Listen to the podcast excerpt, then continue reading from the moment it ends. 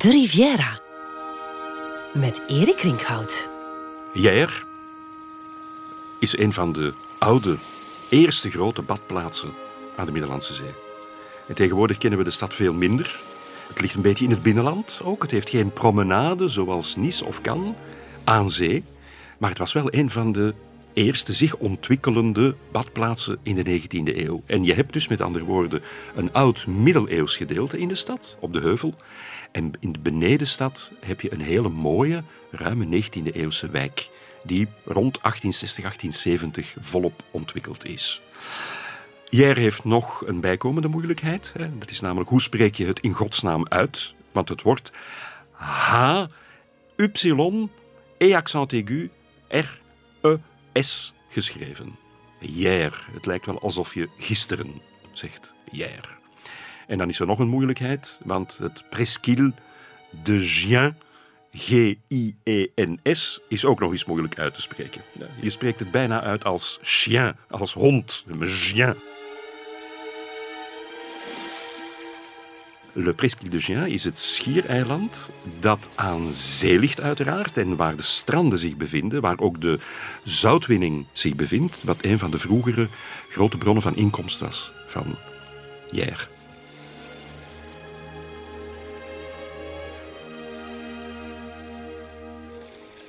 Aan de rand van de zee, ten zuiden van de stad, dus we zitten dan eigenlijk aan Almanar en Gien, werden opgravingen verricht. En die wijzen erop dat wat men vandaag Almanar noemt, Almanar Plage, eigenlijk al een Griekse handelspost geweest zou zijn. En dan hebben we het dus over ongeveer 2000 jaar geleden. Die handelspost werd gesticht door de inwoners van Marseille. Daarna is het een Romeins gehucht geweest en in de middeleeuwen een klooster voor vrouwen. Maar dan hebben we het dus over de zeekant. Enkele kilometers is ten zuiden van Jair zelf. Zelf ligt veel meer in het binnenland. En op de heuvel, die er nog altijd is en die de stad nog altijd domineert, lieten de heren van Fos hun kasteel bouwen. En rond dat kasteel, de restanten zijn er nog altijd, er zijn altijd ruïnes van de burcht, heeft zich een middeleeuwse stad ontwikkeld met nauwe straatjes, steile straatjes. Je kunt die nog altijd bezoeken, maar het is een hele klim naar boven. Dat is, dat is die middeleeuwse stad die het vooral moest hebben van landbouw en zeezout.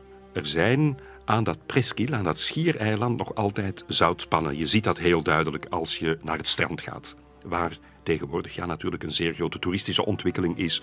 Heel veel restaurants, heel veel villa's, heel veel huurwoningen. Maar je ziet dus die zoutpannen nog altijd aan de rand van de zee liggen. En dat was toen uh, in de middeleeuwen een zeer belangrijke bron van inkomsten rond die landtong die Gien is.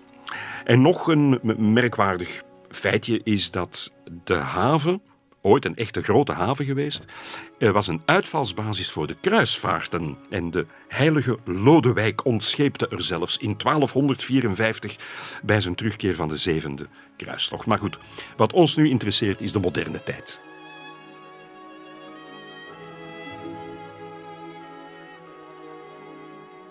Jair kreeg een nieuwe ontwikkeling dankzij de komst van het toerisme. En al redelijk vroeg in de 19e eeuw was er een eh, sterke opleving door de komst van uiteraard weer de rijke Engelsen en welgestelden ook uit de rest van Europa, die hier hun uitverkoren winterverblijf zochten. Het is gemakkelijk bereikbaar. Het ligt niet zo heel ver van Marseille. De spoorlijn loopt al tot daar. Hm?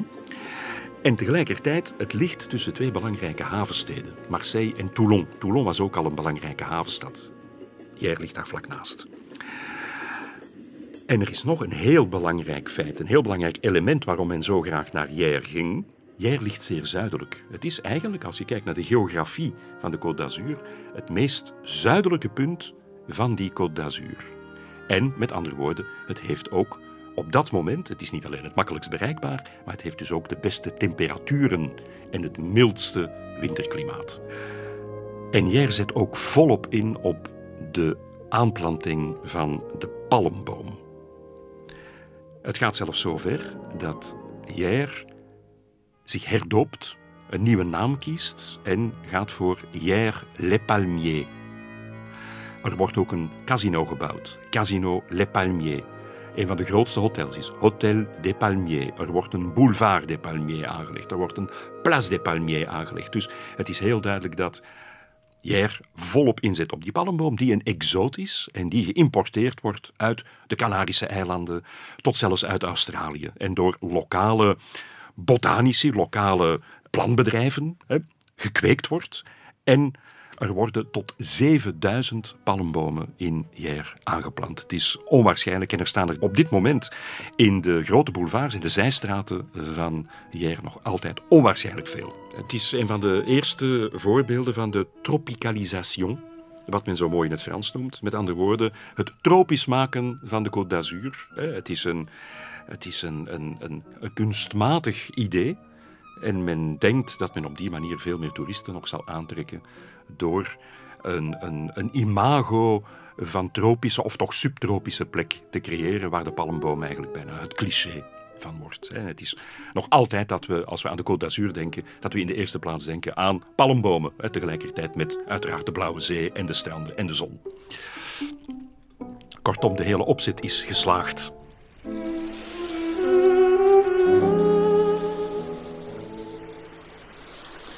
Merkwaardig is dat er misschien zeer veel Engelsen naar Hier komen. Maar de ontwikkeling, de 19e eeuwse ontwikkeling van de stad, is vooral een initiatief van een Parisien. Een zekere Alexis Godillot. Een industrieel en ook een mecenas. Die ontdekt, zoals zoveel mensen, het zuiden, ontdekt Hier en wil beginnen te investeren. De man heeft geld. Hij laat er een villa bouwen. Hij laat er ook paardenstallen bouwen. Want uiteraard op dat moment gebeurt het transport nog heel vaak en omnibus, dus getrokken door paarden. En hij laat heel veel ontwerpen door een architect, Pierre Chapoulard, die vooral in Moorse stijl bouwt. En als je op dit moment het 19e-eeuwse deel van Hier bezoekt, zie je nog altijd zeer veel Villa Moresque. Of zelfs, je kunt de Villa Tunisienne gaan bezoeken, wat het voormalige kantoor en architectenbureau van monsieur Chapoulard was. Godillot schenkt niet alleen, laat niet alleen een aantal gebouwen optrekken, een aantal gebouwen voor zichzelf. Hij laat ook straten aanleggen, boulevards. Hij schenkt een grote fontein aan de stad, die er nog altijd staat.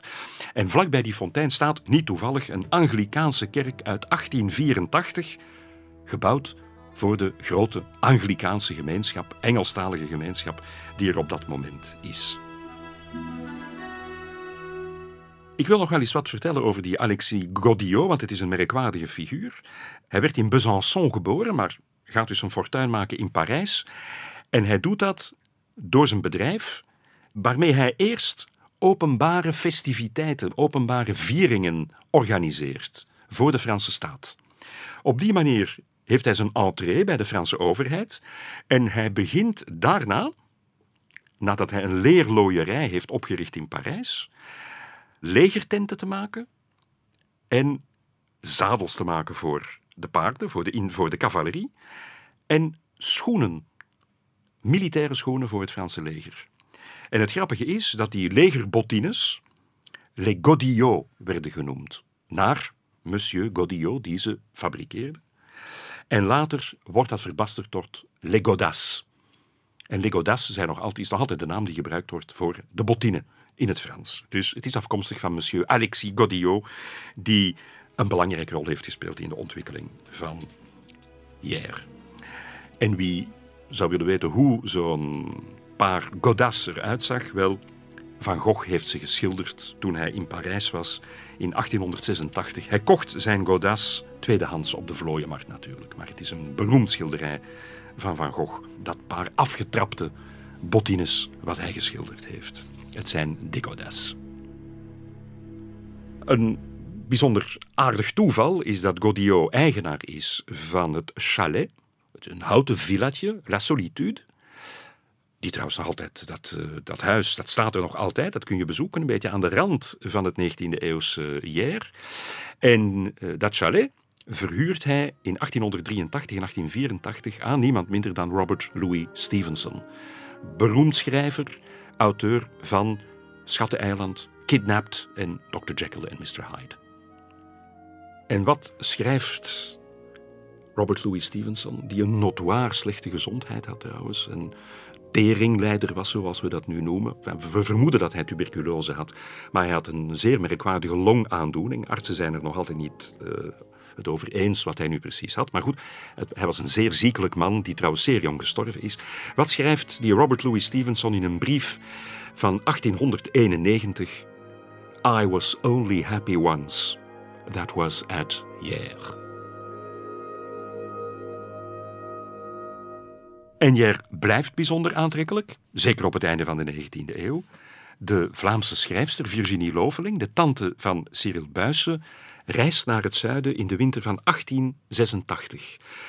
Ze is op dat moment 50, maar het is haar eerste grote en vooral zeer lange reis, die haar via de Côte d'Azur tot in Napels zal brengen. Maar wat ons natuurlijk vooral interesseert is wat ze schrijft over die Côte d'Azur en wat ze over Hier schrijft. En ze doet dat in iets tussen dagboek en roman in. Het is recent heruitgegeven. Het heet Een winter in het Zuiderland. Haar reis bracht haar via Parijs naar de Mont Blanc en over de rivier de Durance. En tot dan is Virginie ontgoocheld, omdat ze het zich allemaal grootser had voorgesteld. In en over Marseille schrijft ze: De zuidernatuur is tot hiertoe een grote ontgoocheling geweest. Of liever, zij bestaat hier niet.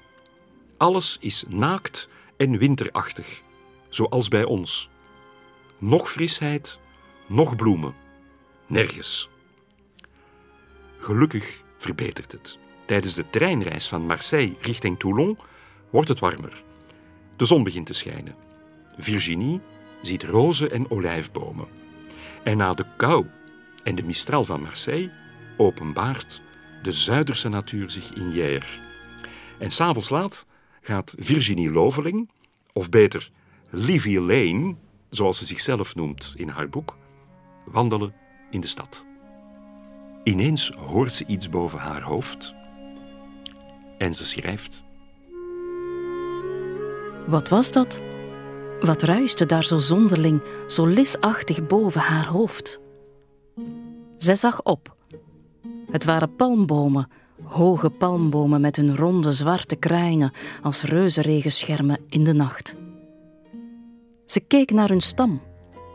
Ruige houtklompen toonden de sporen van ieder afgehouwen blad aan. Een soort van haar hing aan sommige. Tussen de bladerenkruinen heen blonken de sterren en welk geschitter, zoals ze bij ons op de koudste, klaarste, vriezende nachten nog niet fonkelen. De lucht was zo mild geworden als op een zwoele meinacht. Dat was wel de zuidernatuur naar welke Livy tot hiertoe tevergeefs had uitgezien. Een gevoel van heilige benauwdheid beving haar hart. Iets onzagwekkends, als hetgeen men met het vallen van de avond ondervindt, als men in een stille, grote hoofdkerk treedt. En ze haastte zich weg van onder de geheimzinnig ruisende palmen waarvan de vingerbladen zich donker naar de hemel uitstrekten. En dan s morgens vroeg ervaart ze eigenlijk iets soortgelijks. Ze wordt wakker en ze schrijft: Doe de blinden open en morgen zal uw kamer met licht overgoten zijn, had haar s'avonds de dame uit het hotel gezegd, die hen aan de ingang begroet had. En het was waar. Livy's venster gaf uit op het zuiden en een spiegelkast was zo geplaatst dat men van in het bed de zon zag opstaan. Het was als een grote brand van oranje, geel en rood. Om half zeven gebeurde dat. Om zeven uur was het volop dag.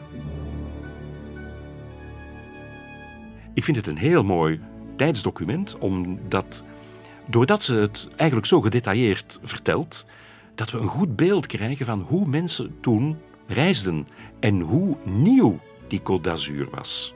Eh, terwijl voor ons is dat, ja, het ligt op een goede duizend kilometer, je bent er met de auto in een dag. Uh, reizen is voor ons iets helemaal anders geworden dan toen. Toen was het een onderneming en men reisde dus meer dan een half jaar lang door die streek. Daar bloeiden en geurden in dit late jaargetijde de schoonste bloemen van de zomer. Rozen, violen, salvia's, formiums en agaves schoten er een lis omhoog en daarboven bloeide een goudgele aloe. Kaktussen met grote, ronde, stekelige, stijve bladeren waarvan het ene op het andere uitschiet, droegen geel-rode knollen. Men weet niet of het knoppen of vruchten zijn.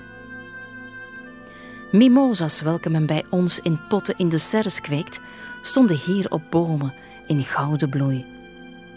Het was waarlijk als een paradijs, en de grote hotels waar men voorbij gaat dragen ook zulke paradijsachtige namen.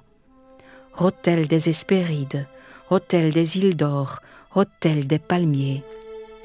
Indien er geen grootsprakige als Hotel des Ambassadeurs bij waren, zou men zich wanen in een soort van Arcadië, waar geen andere rijkdom gekend is en geen andere schoonheid geschat wordt dan die van de natuur.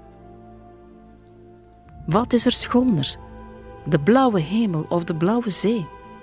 vroegen ze elkander af, maar wisten niet aan welke van beide de prijs toe te kennen.